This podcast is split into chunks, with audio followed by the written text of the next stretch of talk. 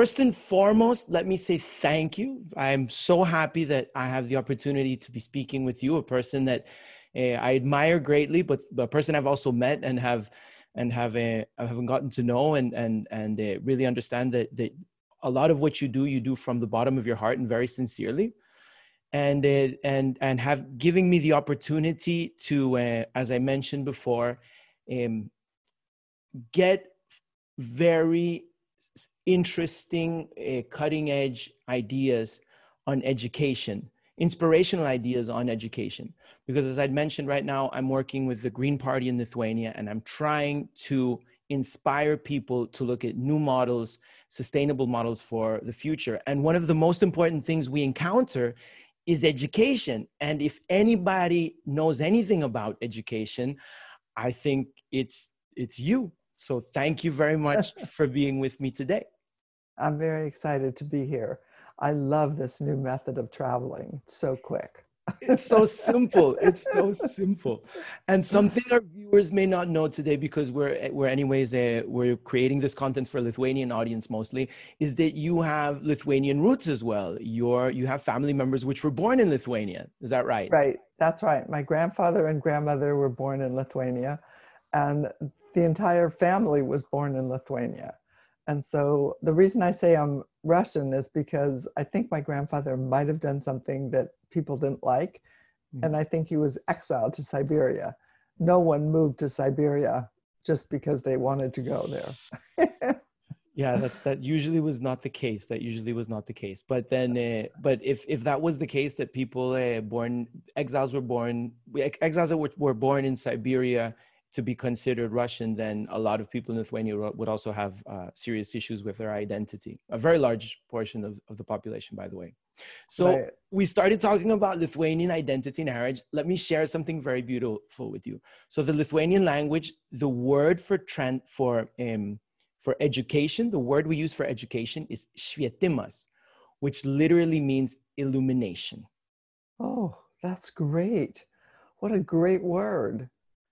I wish other countries would do the same thing because that's what education is supposed to be doing.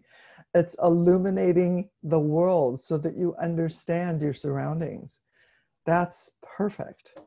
It's a pretty word. Eh, yeah. Sorry? I was going to say, you know, if everybody thought of education that way, it would be a very different education world it's curious because you you've you've been i was reading your your uh, biography online and you've been you've done everything in the educational system. You've sat on boards you've been in charge of curriculums you've been in the classrooms you've set up labs and now you're in stanford teaching teachers to become better educators. So you really know the ins and outs. And one of the the most interesting things um, concerning especially your most recent book um, how to how to how to raise successful people. You really also touch upon the fact that that this process of education happens in the household and from a very a, a very young age. So i wanted to ask you how you fit all of this broad concept of education uh, or how you fit your philosophy into that whole broad concept of education. So if you just think about a small child you know, at the age of one or two, at two years old, parents are like, oh my God, they're driving me crazy because they want to do everything on their own. And they run away and they try to put on their clothes and their clothes are backward. And, you know, this is an attempt by the by human nature to be independent and to explore the world. And Einstein said the highest form of research is play. And so, what we want to do is allow kids to play when they're little. And um, because they're, they're doing research, they're researching the world to see how it works. And back to your word about education in Lithuania, it's, they're illuminating their world. They're trying to understand the way things work. So, parents that foster, that help kids, continue to play and explore and be independent, they are the ones that are helping set a foundation for adults who are going to be happy and who are going to be exploring the world and going to be self confident. A lot of kids, their parents don't let them do this. The parents are very controlling. and they'd like no you should sit down here and do this no you shouldn't do that and there's a lot of no's in the world and that equals actually after they get to school and there's even more no's don't do it this way do it that way. You know follow what i say i know what i'm talking about. The child usually by the age of 10 or 12 becomes somewhat discouraged. And you see a lot of kids at that age saying you know oh i'm not interested in school. Oh i don't really care about you know what i'm doing. And the reason they don't care is because they've encountered the word no so much. And so i think parents can play a big role in saying it's okay to explore. It's okay to do things that are maybe a little bit unusual. My main rule is the only thing you can't do is things that hurt other people. If you are doing something and exploring and doing things on your own that don't hurt other people, you can keep doing it. But you know, you can't hit, you can't throw, you can't bite, but you know, you can do a lot of other things to explore the world. And today, a lot of that exploration takes place online. And I don't know what it's like in Lithuania, but I can tell you in the United States, parents are controlling what kids do online. There are apps that you can buy where you can watch your child 24 7 to see what they're doing online so you can monitor everything they're doing. So I've always, my theory has always been you know, human beings basically, they are good at heart. They try to help each other. They step on each other's toes out of ignorance so you can help teach them these are different ways that you should be interacting with the other world, with the other people. But, you know, it's really important to give them that opportunity to explore and to be who they want to be. Right. So t- today, if you want, well, it's probably not available yet in Lithuania, but there's a book that was just published and it'll come out in two weeks by Trump's niece, the daughter of his brother. Mm-hmm. And it tells the story of how Trump was treated as a child. And he was treated terribly. And that terrible childhood resulted in a person like Trump, who is always out to to prove that he's the best, to right. lie, to cheat, to do terrible things.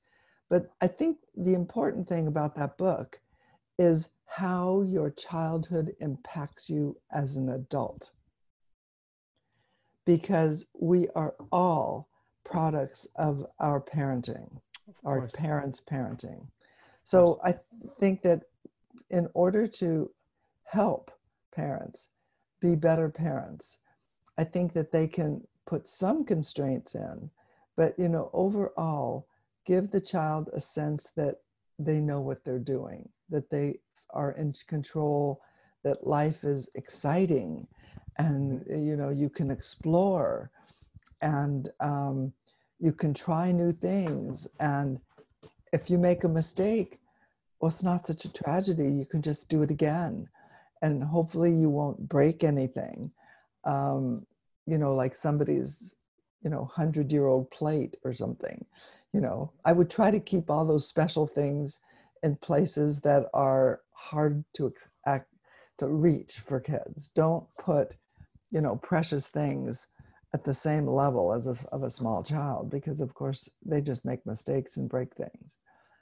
Let but me, let me ask you a, a critical question. Um, because we in Lithuania, eh, especially during um, the Soviet uh, occupation, and even I, when I was here during university, I noticed that a lot of the education was very much about uh, repetition. It was um, it was a it was very much repetition, about, memorization, yeah, yep. memorization. You know, uh, you know exactly ad verbatim, the way they said it. You need to repeat it, and it was almost like a process of indoctrination. It and is. They, even a lot of the modern um, educational system is kind of built around the need of, of homogenization of, of large groups of the population to, to perform certain tasks. And what you're talking about is actually the development of character of human beings for some form of higher fulfillment rather than you know becoming i wouldn't say citizens because i think a citizen is a, a critical thinker but kind of like a functional denizens within a social economic paradigm. And so we're talking that we're looking at very different uh, educational models right? One is for indoctrination and the other one what would the other one be in that case? The other one is independence, creativity, critical thinking. Um, so the indoctrination, the indoctrination one was the number one education system starting at the beginning of the 20th century.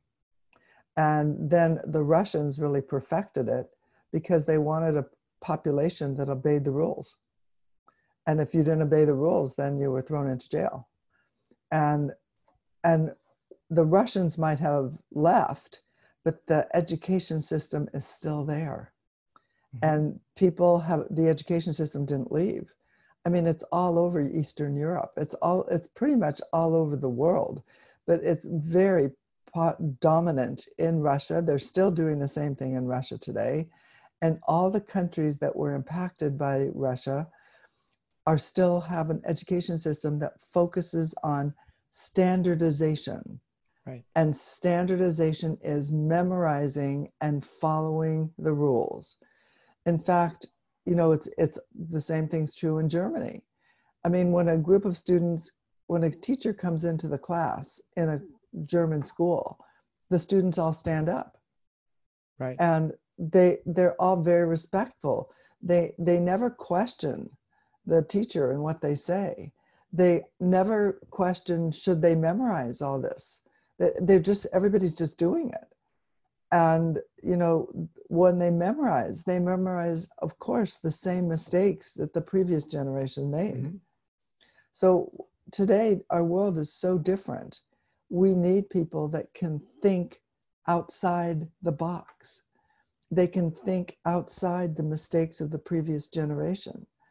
And again quoting einstein he said if you're going to solve the problems of today you can't use the same thinking that you use to create those problems. But that's a leap of faith. Well, okay, we want to have some some standardization. Okay, we want people to obey certain rules, right? There, so there's, uh, but part of it needs to be creative. So my philosophy and the latest thing I've been pushing, mm-hmm. I have this um, nonprofit called Global Moonshots, Right. And it's pres- the idea is to leave 80% of the education as is and change just 20%. 20% of the time in school, kids have an opportunity to create and explore and be themselves. And actually, interestingly, the school system likes that because everybody realizes that creativity, we need new thinking. And I said, This is just your moonshot time, your time when kids can think about how to solve some of the problems that were not solved at the previous generation. And you can do it, you know, you can use it can be agricultural, it can be technology, it can be um, other society issues, it can be whatever the kids come up with that they want to solve or that they want to work on, they can have that opportunity. And what we can do is provide a space. It's kind of like a WeWork space, only right. it's a WeWork in school space where you go and you work with your friends on things that you want to help society improve, whatever it is. Everybody, every group, every society has something that needs to be improved. We're not perfect but that's lovely. It's actually very practical because 20% is something that I think any educational system could negotiate with. It's not like saying we need to overhaul the whole thing. It's more like let's just do this one thing which will actually show you where we could be moving. That's and, right. And it works. It, so the schools are very excited about it. Palo Alto Unified, prior to this pandemic, was doing that. They were devoting 20% of the time to kids working on projects of their own. And that the school district, you know, ranked number one in the state of California. Um, so you know, I think it was making kids excited about being there. And it was giving the teachers uh, 20% of the time for them to collaborate with their peers. So it was it was good for teachers, it was good for students, and it was good for the whole society. Well, that's lovely. But uh, there's something, for example, here in Lithuania, and I think in many other places, you have the socio-economic divide, right? I mean, a kid is a kid right. everywhere he is, and and I really do believe that people are are very much blank slates, which are which, as, as you mentioned, you pick up a, a your psychological conditioning from your environment, from your parents, and things like that. Um, but the quality of education is very different. And the way people look at those you know kids from say a lower class than from a higher class i mean where you sometimes view that kids from the lower class it feels like you want to keep them locked up and busy. Whereas parents which can afford to uh, um, you know spend time with their kids end up doing what you were mentioning the helicopter parenting. And so i'm wondering is there any way of unifying this? Because it, I'm not saying the people are different, but the social economic realities are so different that I'm wondering whether that same medicine will work for both for both uh, sides of the spectrum. I think it does work for both sides of the spectrum. And what you said was very interesting because the lower socioeconomic classes, the kids are locked up. Those were your words. Mm-hmm. It's more like a prison. Mm-hmm. And they somehow they think that if you're a lower socioeconomic kid, you need to have more of this drill, more of this memorization. And those kids, you know, they're human beings. They don't like it either. And so my theory is give those kids the 20% time too. Some amazing things have happened and come from low economic families and low economic kids. So, why just have this wonderful opportunity to be creative available to the upper group? So, like you say, those parents, you know, they have after school on Monday is music, and Tuesday is art, and Wednesday is tennis, and or whatever. We need all kids to have those opportunities, all kids. And the school should allow for that to happen. There's no reason why it can't. It's just our mindset. We're thinking about it this way oh, they're coming from this area. They need to be, oh, they need more memorization, more standardization. No, they don't. They're, just, they're human beings, you know.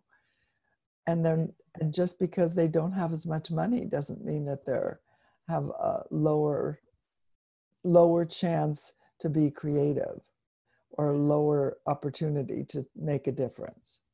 You know it's so it's so interesting because in in different cultures education means something different right? Um i think of uh, of asian uh, in particular say japanese kids in six day school weeks which are all about um, fulfilling the expectations of their fa- of their parents.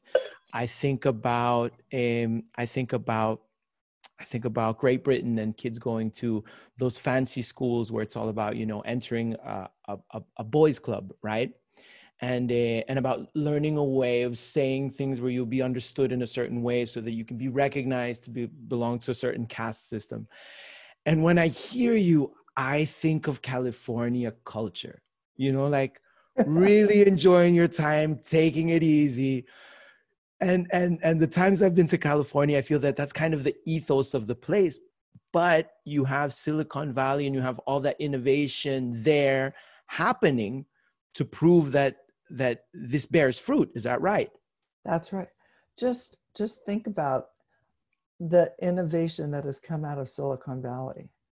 I mean where would we be today without the internet and the web and google and of course, I think we can do a little bit without Facebook, but but but these social media is influencing the world such to such an incredible extent. California is the fifth largest economy in the world. And um, we are really impacting the world in the way people think. I think more countries, more kids can have that same opportunity to make the world a better place if we just give it to them, give them this opportunity and telling, stop telling them what they have to do all the time. Right. Like I said, we can still tell them what to do 80% of the time. Just that 20%. Give them an opportunity to even know, to even think about the fact that they can make a difference. And You know right what? now they don't. Yeah, it's so it's so curious the way you bring it up because um, I've actually read a couple of interesting articles which trace California and and hippie surfer hippie and surfer culture to uh, to pagan sun worshipping uh, people here in in in Europe in mid Europe and Eastern Europe. And uh, and it's curious because in Lithuania we still have some people who are very much into the pagan ways, and they're very much about letting the child free and learning his way through nature which is is very is not very unsimilar to what you describe That's right. But see, what happens is okay, the people that are in charge of the memorizing standardization, they're on one extreme, and the pagan group is on the other extreme. And my theory is hey, could we all get together so we have memorization and some of the pagan stuff? So that's why I say the 20% time, it's a compromise. You know, you're still doing a lot of the standardization, but then at the same time, you're giving people an opportunity to worship the sun or whatever they want to do. and, and it's good it's not even 50 it's not even a 50-50 split it's you know just give me 20% and we'll That's make right. magic That's right. It's just a little bit. It's not a lot. Uh, it's not a 50 50 split.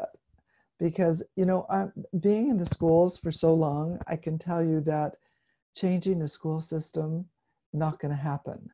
We Yeah. have, we, it's just, we just are not going to change the school system.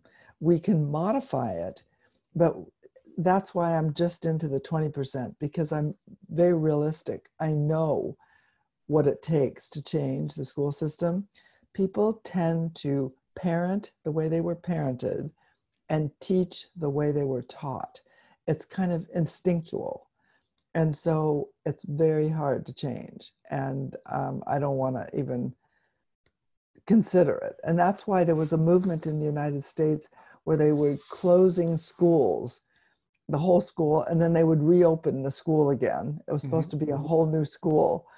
And the crazy thing is, the new school looked just like the old school. and it just cost all that money to do it. But that's super smart because what you're talking about is changing the paradigm from within Yes. Eh, and and if i'm not mistaken most likely the main stakeholder the, the main agent of change will be the teachers right Yes. They're the people who make it and you're actually now what you were right before we started the interview you were mentioning that now you're at stanford uh, teaching teachers uh, a lot of this most likely I, i'm just curious i want to know what you're teaching them because i'm meeting a lot of people in education this week and this is what we're going to be talking about and if you could share some of that special knowledge with us i know we'd be most grateful So it's in my book, um, How to Raise Successful People. I think that's been published in Lithuanian, by the it way. has It so has. I'm very excited about that. So there's an acronym. It took me a while to come up with this. This is like, what did I do with my daughters? What do I do with my students? And the acronym in English is TRICK, and it stands for trust, respect, independence, collaboration, and kindness.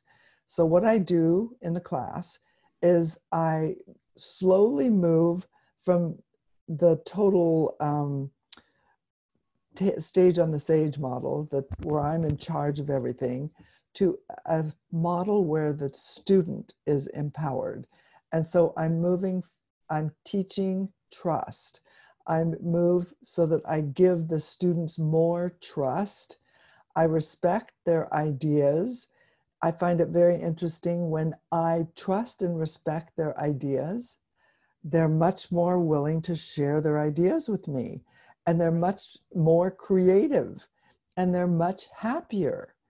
And then I give them a lot of independence.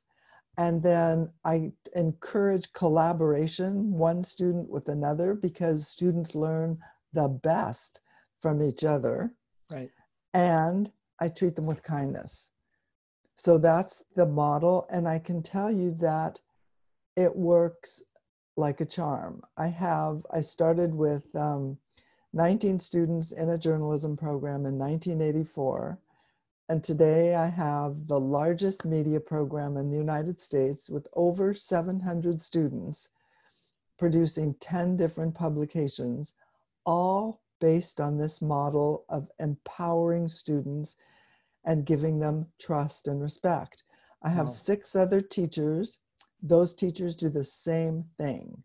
They it's not like just me. It's it's a way of looking at the classroom, looking at the students.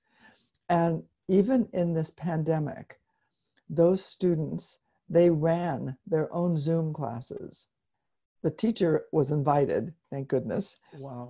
but the students ran the class and they all decided they wanted to publish the newspapers and magazines anyway, even from home. So 70 kids in a class all collaborate, they publish from home. You would never know there was a pandemic. This happens when students are empowered. If I would be the one that was telling them what to do, I can tell you it never would have happened. It only because they want to do it that it happened. Oh, it's, it's so beautiful. Um, it's so beautiful what you're saying because a lot of people think that change um, comes from changing systems, right? They'll say change the curriculum, invest into the school.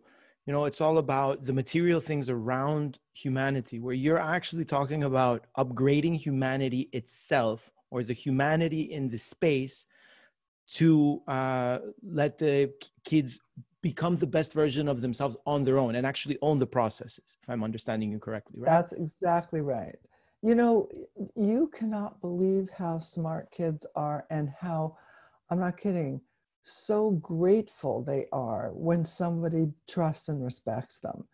I mean i have students who graduated 20 30 years ago that still keep in touch with me because i treated them with trust and respect and nobody in the system did it. And they it helped them believe in themselves. Some of them or actually more than some many of them have become very well known. They've become ceos james franco was one of my students he mm-hmm. became an actor mm-hmm. you know i don't care what you want to be in life but you want to you want to live out your dreams not the dreams of your grandparents not the dreams of your great grandparents and I think there are cultures in the world where the child is living out the dream of the parent or the grandparent. And sometimes that works out, but in many cases, it can create problems for that child. And, um, you know, I don't want to point at any of these cultures because I think they're worldwide in different areas, but, you know, maybe there's a modification. Maybe you can also fulfill your dream and the dream of the family at the same time. Um, so I started a company. Well, actually, I didn't. It's a former student that started a company with me. So mm-hmm. I should just tell you. And it's it's his idea. He's so smart. And he said that he he went to school and majored in engineering, chemical engineering, to please his parents. And so, but then when he got to be an adult, he realized that he did not want to be a chemical engineer. And so now he's doing, you know, the things that he cares about. I think he's lucky because, you know, the last thing you want to do is be 70 years old or whatever and on your deathbed and say, oh my God, I wish I would have done what I wanted to do. Yeah and not what my mother and father told me what to do. Oh, that's such a tricky theme. I, I think um, at least one of the the most interesting parts of my life journey has been to n- decode my parents and understand them as children who also were put into shoes and into roles that they had to walk and, and roles they had to fulfill. Yes. And uh, and and strangely enough it's like um, um, i mean if we have say alcoholism in the family or we have a, a, history of negligence or something you realize that it comes down three or four generations and you need a special kind of um, of awareness. And again, I can imagine a lot of teachers, especially what you realize is, is I was amazed that at the nursery, at the nursery and kindergarten teachers where we, we took our kids, these were state run um, establishments and they weren't teaching the latest waldorf methodology or you know something super advanced but they were super aware of what the kids were getting at home. They were very conscientious you know is he being fed properly? Is he getting enough love? You know really just the real real basics which is something for some reason as a society we we overlook and so my last question for you um, because thank you. I know your time is worth gold, and I'm so happy that you could you could spend a little bit more than a half an hour with us, and I'm really happy. But my last question is really I'd like to send a message to the teachers, which are usually undervalued in our society, and particularly here in Lithuania. People who really, you know, I don't know, they put themselves. I'm, I'm not going to say at risk, but they really they really put their lives out there, and they really sacrifice themselves for the kids. And and I know you relate to that. Like, what message would you send for?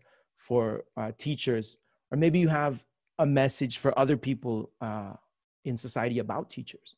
Well, so my message for teachers is that they really are the people who are making the biggest difference in society, and they need to really understand how important they are.